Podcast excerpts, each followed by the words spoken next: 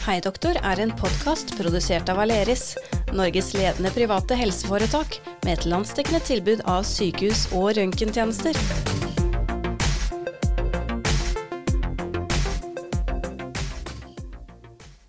Hallo, hallo, og velkommen til nok en episode av Hei doktor. Dina Heier Pedersen heter jeg, og det er jeg som skal lose deg gjennom dagens episode. I dag så skal vi snakke om noe som jeg er ganske nysgjerrig på, i grunn. Eh, og det er alt som kan bli større. Eh, og til å svare på litt ulike spørsmål der, så har jeg fått med meg plastikkirurg ved Aleris, Børge Davik. Velkommen. Tusen takk. Du, eh, du er plastikkirurg, og mm. da må jeg jo først spørre deg, hva er jobben til en plastikkirurg? Hva er det du gjør for noe, egentlig? Ja, altså en plastikkirurg eh, driver i utgangspunktet med å endre eller forme på kroppen. Og vi som er plastikkirurger, vi kan da enten gjøre det i rekonstruktiv hensikt, altså etter brannskader, etter brystkreft eller etter store andre skader, så kan vi liksom bygge opp igjen kroppen. Eller så kan vi gjøre det som jeg kanskje gjør litt mer av, som er å gjøre f.eks. ting større. Vi kan ta vekk litt, eller vi kan legge på litt. Vi kan ta vekk litt fett, eller vi kan legge på litt fett. Vi kan legge inn en protese, eller vi kan ta ut en protese. Vi kan lage rumpen større, osv. Eh, og siden vi skal snakke om eh, alt som skal bli større, hva, hva er det, da? Hva er det folk eh, kommer til en plastikkirurg og ber om å få gjort litt større? Ja, i disse Kardashian-tider så er det jo helt klart former som er den nye trenden innenfor plastikkirurgi. Det er jo vært en stund slik at man ønsker litt mer kanskje latinamerikanske former med litt større rumper, litt større bryster, så vil det som etter hvert også tar over litt av trenden her i, i Europa, ser man.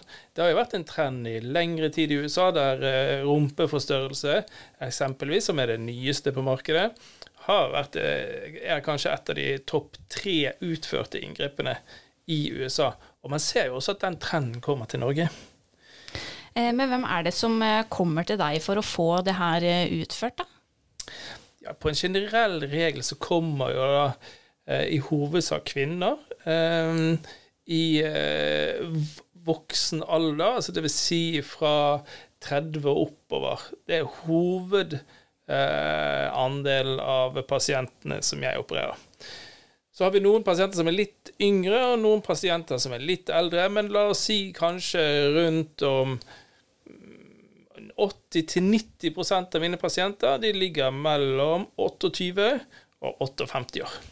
Er det noen menn som kommer til deg f.eks. For, for en, eh, en rumpeforstørrelse? Eh, ja, altså på en generell basis er det sånn at ca. 30% av de inngrepene jeg gjør, er menn. Eh, men når det gjelder rumpeforstørrelser, så er ikke det et veldig vanlig inngrep hos menn. Det er det ikke. Det er mer kvinner som går for dette inngrepet. Men eh, hvordan er det man gjør det? La oss begynne med f.eks. brystforstørrelse. Eh, hvordan er det man, eh, man, gjør det? Ja, En brystforstørrelse kan man gjøre med forskjellige ting. Man kan bruke silikonproteser, som på folkemunne bare blir kalt for silikon. Eh, og eh, da forstørrer man brystene med det. Og hvis man bruker en silikonprotese, så vet man hva man får. Man kan, eh, når man kommer til meg, så prøver man ut av de ulike størrelsene på silikonprotesene i en BH, sånn at man kjenner litt på hva man ønsker, og hvilket volum man ønsker å ha.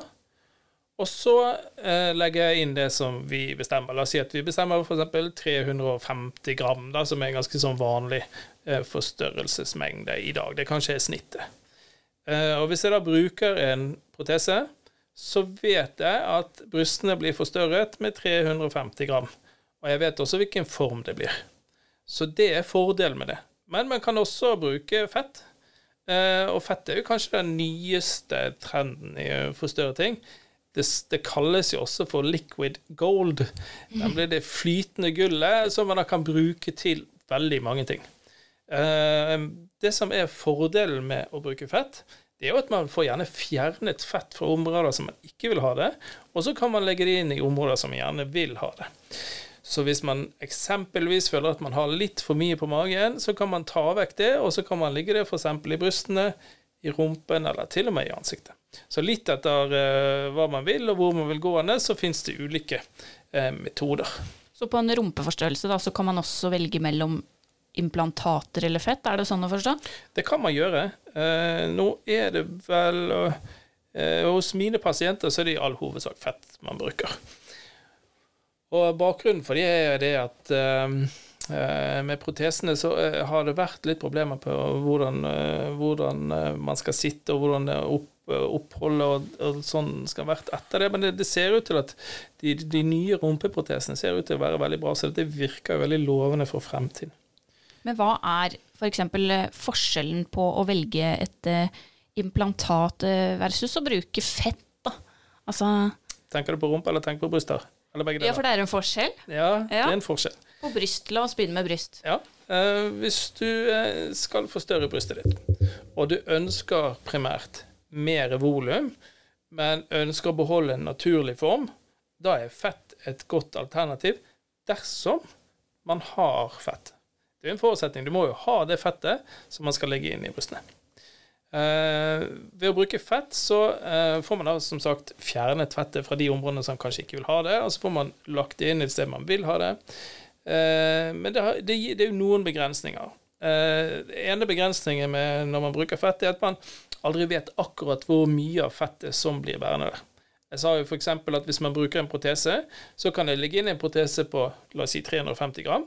Og da vet jeg at brystet blir forstørret med 350 gram. Og det vil alltid holde seg til 350 gram? Riktig. Ja.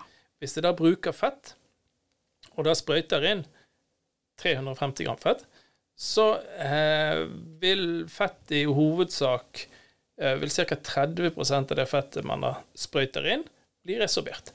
Sånn at i den sammenheng så vil det bare være 70% av det man ligger inn, som blir værende. Um, men da kan man selvfølgelig fylle på flere ganger. Det er ingen problem. Man kan fylle på egentlig så mange ganger man vil. Men det, det er liksom hovedregelen når man bruker fett. Så da skal man også kanskje sørge for å holde en relativt stabil vekt i etterkant, da, for at det, det ikke skal forsvinne fra brystet? Mm. Fordi da kan man kanskje mm. slanke det bort, eller? Ja, altså, eller det som er at vi flytter jo celler. Så hvis du tenker deg at en fettcelle er en lagringsenhet, eh, så du flytter da altså en fettcelle fra magen til brystet. Den, den fettcellen som man da tar vekk fra magen, den er borte fra magen. Det vil si at du har, du har ikke mulighet til å lagre like mye fett på magen som du hadde tidligere.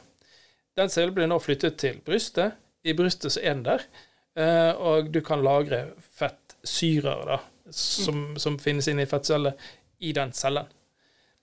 Sånn at hvis du da eh, endrer på vekten, så vil du da, og tidligere la mer på deg på magen, så vil du da i ettertid, hvis du går opp litt i vekt, sannsynligvis ligge mer på deg i brystene. Men på en generell basis, på alle slags mulige inngrep som eh, jeg utfører i alle fall, så anbefaler jeg pasienten min å være ganske vektstabile. For det er klart at hvis du jobber med noe som er vekststabilt og veier, og, uh, veier like mye hele tiden, så vil man um, eh, kunne forutsi resultatet over tid. Endrer man vekt, så endrer man også resultatet. Det spiller ingen rolle om det er fett eller proteser. Det vil alltid være sånn for brysteksempel eller rumpen består jo også av fett ved siden av protesen. Ja, for er det, Hvordan er det da på en rumpeforstørrelse? Er det samme prinsipp der? Mm, ja, absolutt. Ja. absolutt. Det er samme prinsippet overalt. Vi bruker disse fettceller, lagringsenhetene, som vi flytter rundt på kroppen for å endre form. Men kan man gjøre det i en kombinasjon? Kan man ta både litt fett og litt uh, implantater? Eller, ja, ja, visst kan man det. Er mulig. Ja, alt, kan, alt, alt, er mulig. Alt er mulig. Eh, det som er, det som er at jeg sa det at når vi bruker eh, fett, så flytter vi lagringsenheter. De flytter vi det f.eks. fra magen til brystet. Eh, og holder man da en stabil vekt, så blir resultatet sånn som det blir etter første eh, transplantasjon. Så er det sånn at eh, hvis du velger å bruke en protese istedenfor å bruke fett, så er det sånn at protesen har en stabil form. Formen på protesen vil gjøre at du kanskje får et fastere bryst. Så hvis du i utgangspunktet ønsker et fastere bryst, da skal du heller gå for en protese. Eh, for da får du et forutsigbart resultat.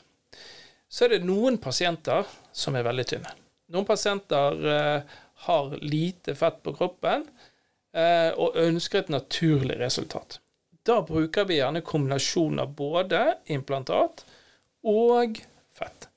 Så da tar vi det lille fettet som man har. Man får alltid ut noe fett et eller annet sted, uansett nesten hvor tynn man er. Og det fettet kan man da ligge rundt protesen for å skape et mer naturlig resultat. Og det gjelder for begge inngrepene, både på bryster og på rumpe. Men eh, la oss snakke om resultat. Ja. Eh, gjør det vondt etterpå? La oss Ja. igjen begynne med brystet, da. Siden Ja. man har eh, satt inn et implantat. Ja, altså hvis sitter man i et implantat, eh, så gjør det mer vondt enn å legge inn fett. Hvis man bruker et implantat, så trenger vi å gjøre et lite snitt. Det snittet trenger ikke være særlig mye lenger enn 3 cm, men vi trenger ca. 3 cm for å legge inn brystimplantat. Hvis du ligger implantatet over muskelen, under brystkjertelvevet ditt, så vil det gjøre mindre vondt enn hvis du ligger implantatet under muskelen. Ligger du implantatet under muskelen, så er jo fordelen at du har bedre dekning over implantatet. Du får et mer naturlig resultat. Og eh, det er også det som er mest vanlig. Men det er klart, ja, det gjør litt mer vondt de første tre dagene eller så. Eh, Men hvordan blir det over tid, da? Vil det føles uh, naturlig med proteser. i en protese? Eller vil det Ja, det er jo litt etter hvor store proteser man har, hvor store bryst man har. Men en protese er jo et fremmedlegeme og vil alltid være et fremmedlegeme. Så man må jo være observant på at hvis man velger å gå for en brystforstørrelse eller rumpeforstørrelse med et implantat, så får man et fremmedlegeme inn i kroppen. Å si en rumpeforstørrelse, da. Hvordan er det eh, å sitte i etterkant? Altså, si man har eh, lagt inn et implantat der, vil det Mm. kjennes som at man sitter på sin egen rumpe? Eller Mm. eh, Ja, det er jo akkurat det som er litt av argumentet for at uh, f.eks. jeg ikke bruker implantater. Det er jo fordi at sånn som det har vært frem til nå, i alle fall, så har det vært litt problemer med at implantatene har, de har rotert, og de sitter ikke ordentlig fast. og Det blir jo litt som å sitte på en silikonpute, man glir litt frem og tilbake når man sitter. Og Derfor så er det jo bedre å bruke fett, i alle fall nå, syns jeg. Eh, men så er det jo sånn at man blir jo vant til det meste. Så Ja. det er jo litt etter hvor motivert man er. Enkelte er veldig motiverte og syns det er veldig fint med proteser, og andre syns at, det- at det kan være litt slitsomt, og derfor så, um, så er det noen som fjerner de. Så man eh, bør kanskje tenke seg godt igjennom da, før man da velger eh, det ene eller det andre, da, sånn som jeg forstår. Ja, det bør man gjøre. Man må uh, uansett hvilket estetisk inngrep man skal gjøre.